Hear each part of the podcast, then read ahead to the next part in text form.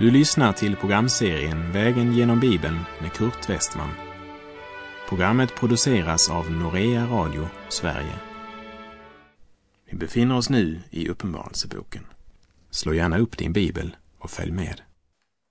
Vi läser Uppenbarelseboken 15, verserna 1 till och med 6. Och jag såg ett annat stort och underbart tecken i himlen. Sju änglar med sju plågor, det sista. Ty med dem når Guds vrede sin fullbordan. Och jag såg liksom ett glashav blandat med eld. Och på glashavet såg jag dem stå som hade vunnit seger över vilddjuret och dess bild och dess namns tal. De har Guds harpor i händerna och sjunger Moses, Guds tjänares sång och sången till Lammet. Stora och underbara är dina gärningar, Herre Gud, du allsmäktige. Rättfärdiga och sanna är dina vägar, du folkens konung. Vem skulle inte frukta dig, Herre, och prisa ditt namn? Ty endast du är helig och alla folk skall komma och tillbe inför dig, ty dina rättfärdiga domar har uppenbarats. Därefter såg jag att templet i himlen, vittnesbördets tabernakel, öppnades och de sju änglarna med de sju plågorna kom ut ur templet. De var klädda i rena, skinande linnekläder och var omgjordade med bälten av guld kring bröstet. I och med vers 5 i kapitel 15 har vi kommit till de sju vredeskålarna med de sju plågorna. Den friköpta skaran på glashavet sjöng Dina rättfärdiga domar har uppenbarats. Precis som i kapitel 11, vers 19 ser Johannes templet i himlen, men nu som tabernaklet, tälthelgedomen. Därefter såg jag att templet i himlen, vittnesbördets tabernakel, öppnades. Hans syn säger oss att Guds tjänare och den segrande församlingens tro får även sin näring från Gamla testamentets böcker, vilket också Paulus stadfäster då han i Romarbrevet 15.4 skriver, ty allt som tidigare har skrivits är skrivet i vår undervisning, för att vi genom den uthållighet och tröst som skrifterna ger skall bevara vårt hopp. När Guds församling inte längre studerar Gamla testamentets skrifter så är församlingens rötter förlorade och det är bara en tidsfråga när trädet ska falla. Johannes, som själv levde i det nya förbundet, får därför i sin syn se in i den himmelska helgedomen som utgör förebilden till gamla förbundets tabernakel. Därför ska vi se vad Hebreerbrevet säger om prästerna som gjorde tjänst i tabernaklet. Hebreerbrevet 8, vers 5. Det tjänar i den helgedom som är en skuggbild av den himmelska helgedomen enligt den föreskrift som Mose fick när han skulle bygga tabernaklet. Gud sade, se till att du gör allt efter den förebild du fick se på berget. Och eftersom gamla förbundets ark innehöll lagens tavlor så kallas tabernaklet för vittnesbördets tabernakel. Som du minns så läste vi följande i Uppenbarelseboken 11.19. Och Guds tempel i himlen öppnades och hans förbundsark blev synlig i hans tempel. Att lära känna Guds ord från första Mosebok och fram till och med Johannes uppenbarelse, det styrker tron och genom den uthållighet och tröst som skrifterna ger bevarar den troende sitt hopp. Men Guds församling är fortfarande på den jord där Antikrist rasar. De har ännu inte nått målet och innan de får tillgång till templet ska de först få sin egen historia i Egypten repeterad.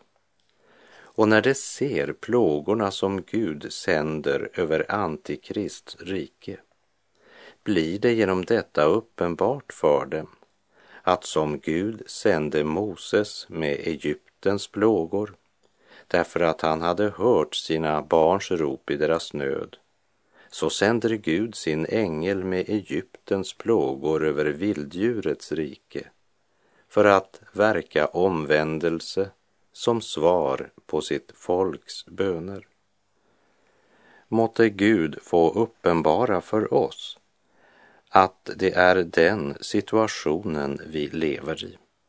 Även om vi lever i löfteslandet, lever i Guds löften och av Guds löften, så har vi ännu inte kommit in i den eviga vilan, utan vi är omgivna av fiender som vänder sitt raseri mot Gud och mot Guds sanna barn.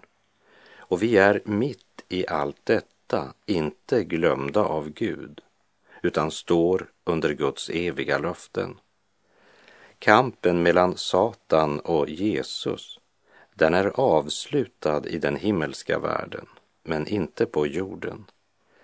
Men som lammet har segrat i himlen, så tillhör segern endast lammets brud och ingen annan. Så låt oss ta vårt kors upp och följa honom. Johannes ser att templet i himlen, vittnesbördets tabernakel, öppnades Vittnesbördets tabernakel är i det gamla testamentet den plats där lagens tavlor förvarades. Och det säger oss att det som nu sker är Guds rättfärdiga dom. Han ser sju änglar som kommer ut ur helgedomen och vi ska lägga märke till att de var klädda i rena, skinande linnekläder och var omgjordade med bälte bälten av guld kring bröstet, precis som Människosonen. Det tillhör den värld där allt är präglad av Guds helighet. De utgår från Gud och de har fått sin tjänst tilldelad av honom. Det är redskap för Guds helighet, renhet och rättfärdighet.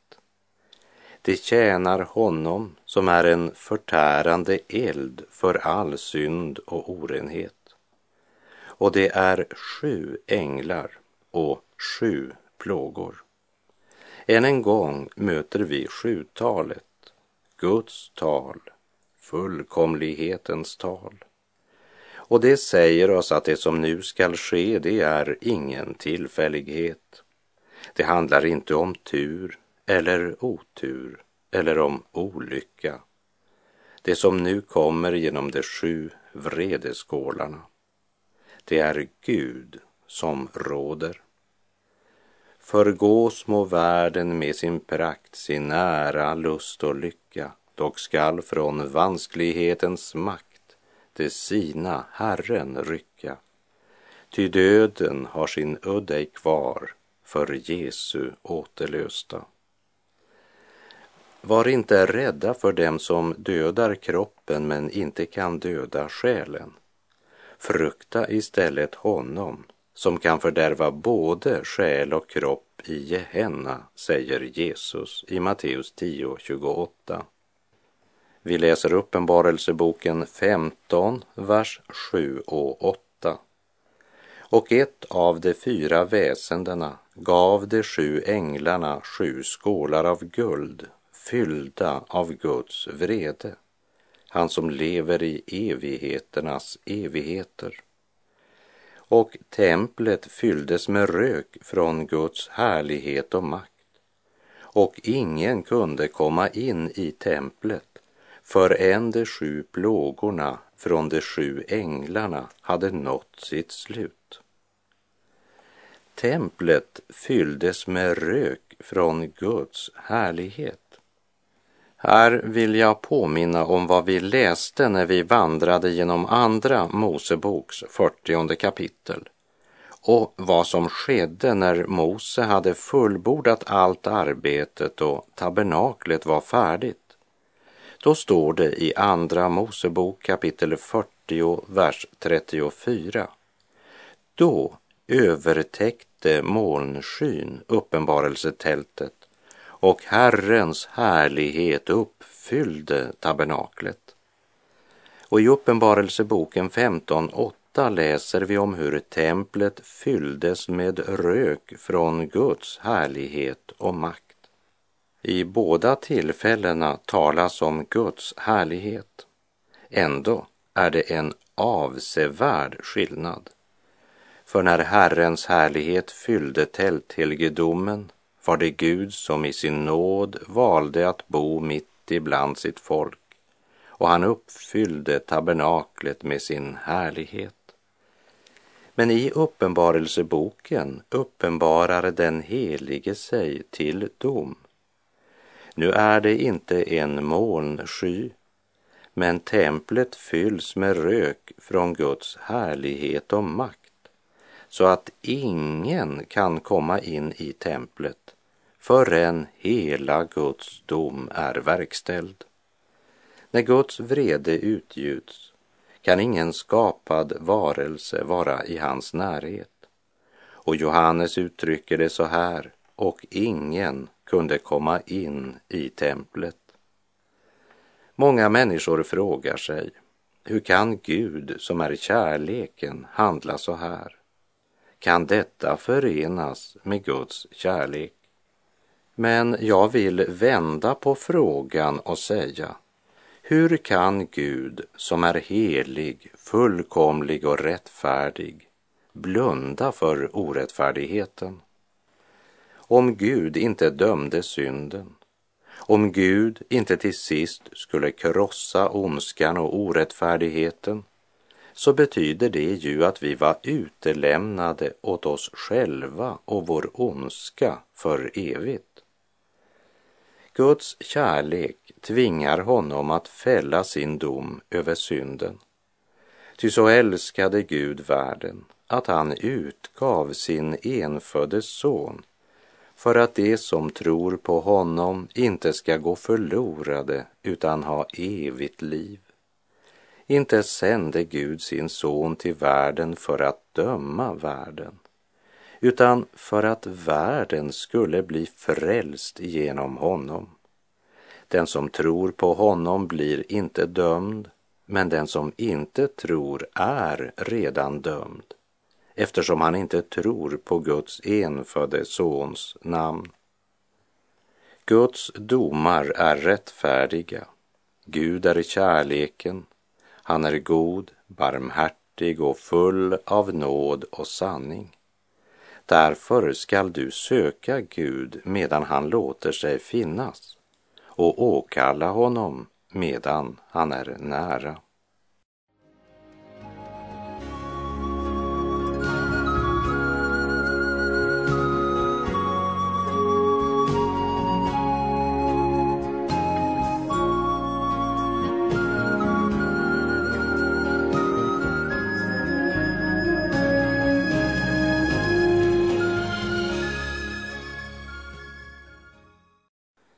Vi läser Uppenbarelseboken 16, vers 1 och 2. Och jag hörde en stark röst från templet säga till de sju änglarna. Gå ut och töm Guds sju vredesskålar över jorden.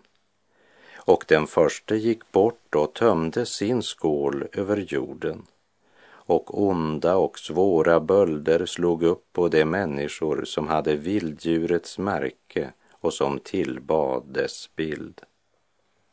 Synden som med sin förförande makt hade verkat så förlockande på människorna har nu förlorat sin falska glans.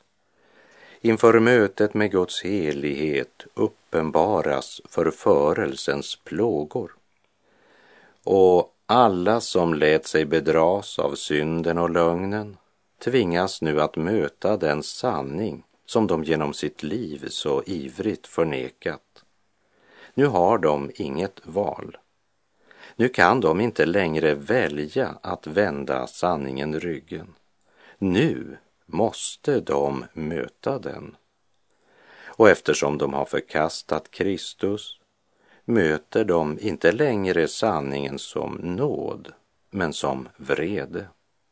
Och på samma sätt som nöden och svårigheterna ökade för judarna i Egypten när all faraos vrede riktade sig mot Guds folk, så kommer också all världens fiendskap och vrede mot Gud att vändas mot de församlingar och enskilda som håller fast vid Guds ord och vid sitt vittnesbörd i ändetiden.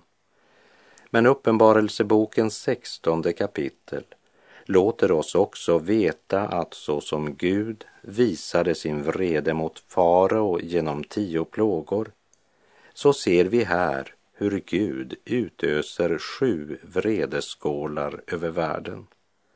En värld som, precis som farao, istället för att omvända sig tvärtom förhärdar sig och sjunker allt djupare i sin synd och villfarelse.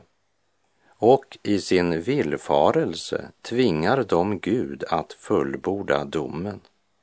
För den rättfärdige Gud kan inte se mellan fingrarna med ondskan och orättfärdigheten i världen. Vi såg i Uppenbarelseboken 8.7 att den första basunen drabbade jorden.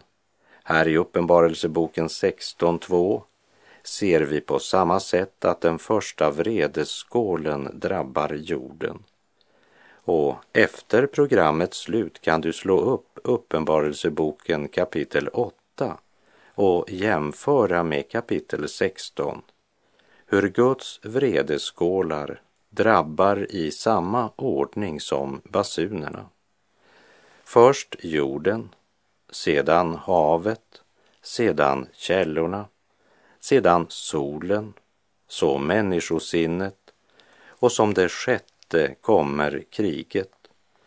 Och som den sjunde basunen talade om hur Antikrist står fram och sedan faller, så talar den sjunde vredeskålen om Babylons ödeläggelse och fall. Men det är en viktig skillnad. För medan basunerna endast drabbade en tredjedel så drabbar vredeskålarna allt. Och vi la märke till att den första vredeskålen drabbade jorden, det vill säga församlingen, samtidigt som den också även drabbar Antikrists anhängare, medan den andra drabbade människohavet, det vill säga folkslagen det upprörda människohavet som förkastat den sanna fredsfursten för att följa lögnen och ogudaktigheten. De ska nu skörda vad de har sått. Ty tiden är inne för domen och den börjar med Guds hus. Men om den börjar med oss, vad ska då slutet bli för dem som inte lyder Guds evangelium? skriver Petrus i sitt första brevs fjärde kapitel.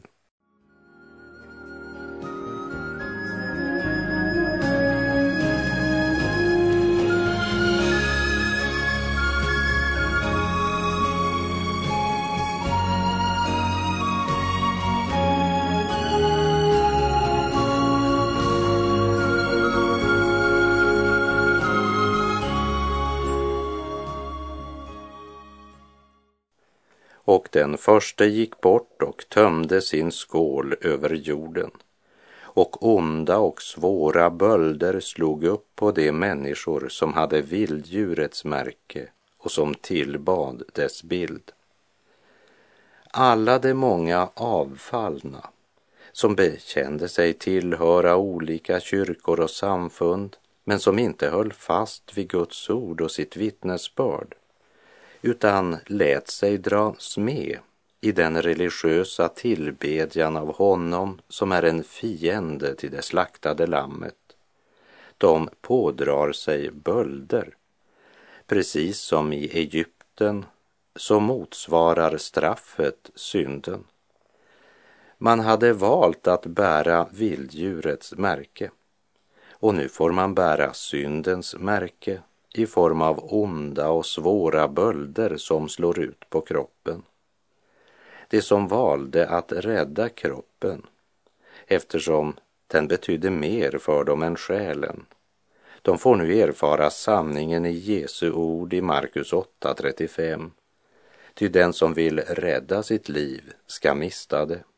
Men den som mister sitt liv för min och för evangeliets skull, han ska rädda det. Det tog djurets märke. Nu är det märkta av Guds straff. Domen börjar med Guds hus. Men om den börjar med oss, vad ska då slutet bli för dem som inte lyder Guds evangelium? Gud tar alltid först ett uppgör med sitt folk. Han går till rätta, förmanar, fostrar och tuktar i hopp om att man ska vakna upp, omvända sig och söka Herren. Men även om jorden är en bild som talar om församlingen ska vi inte bortse från den bokstavliga betydelsen att den första vredeskålen utgjuts över jorden.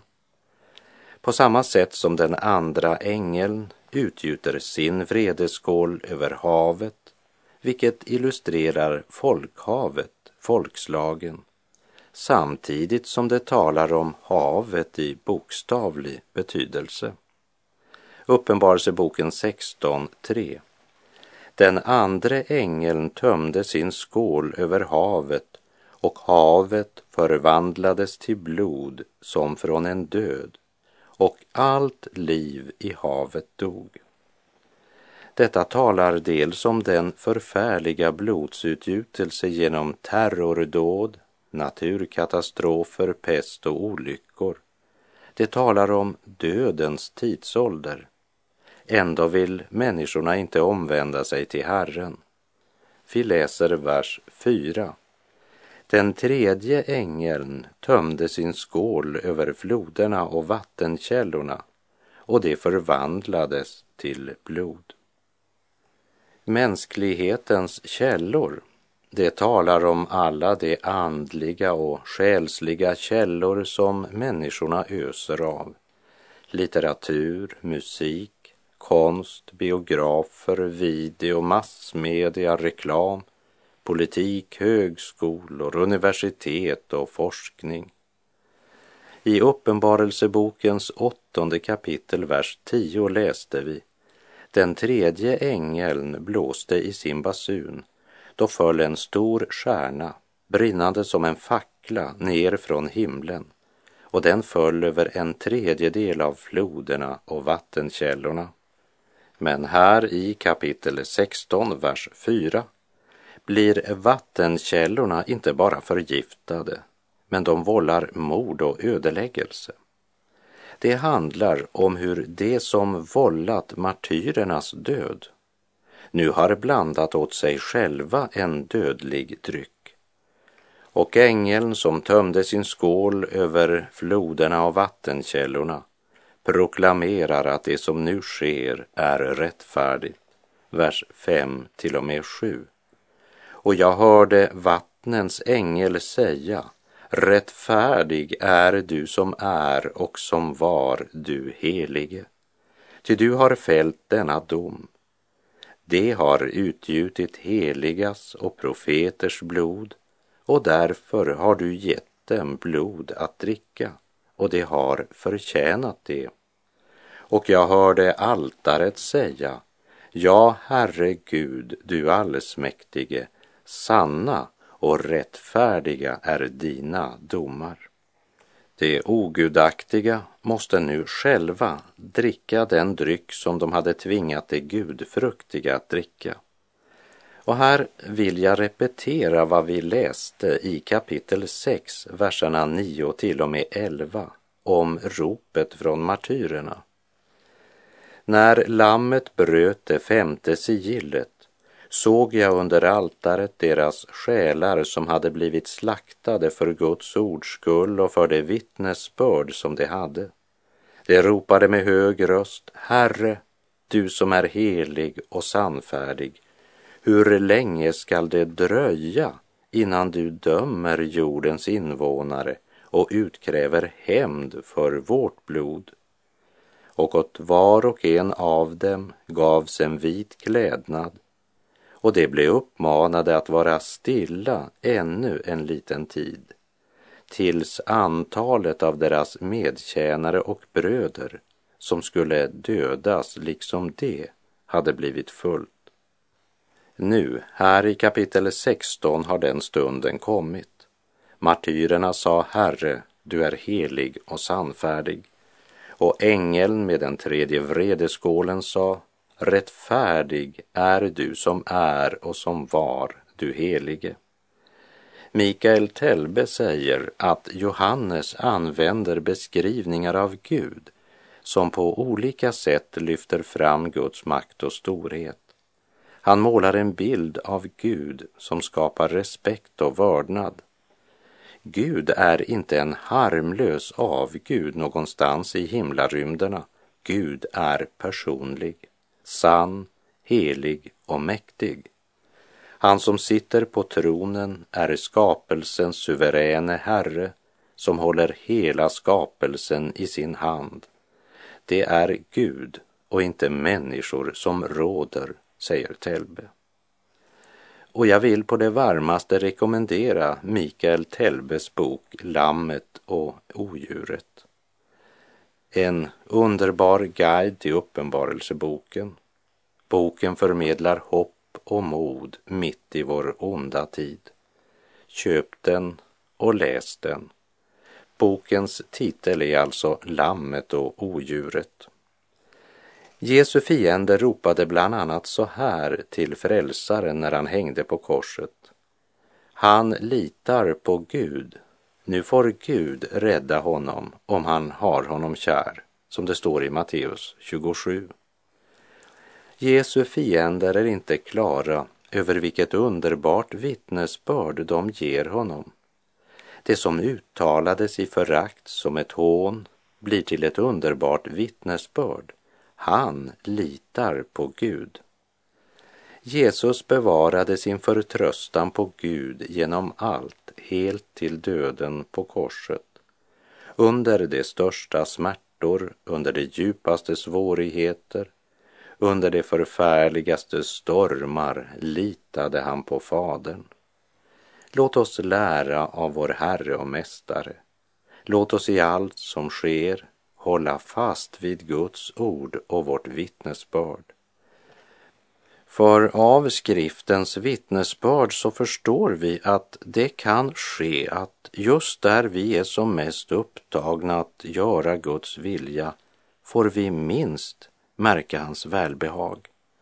Och här vill jag påminna om Jobb och jag läser Jobb 13.15 i Norsk Bibels översättning där Jobb säger Även om han slår mig vill jag lita på honom. Jag vill visa att min färd är rätt. I den engelska King James står det även om han dödar mig vill jag ändå lita på honom. Lita på din Gud, han är nära, över alla djup vill han bära. Faders handens kraft aldrig sviker, ljuvliga, säkra hamn. Med det är vår tid ute för den här gången. Herren vare med dig. Må hans välsignelse vila över dig. Gud är god.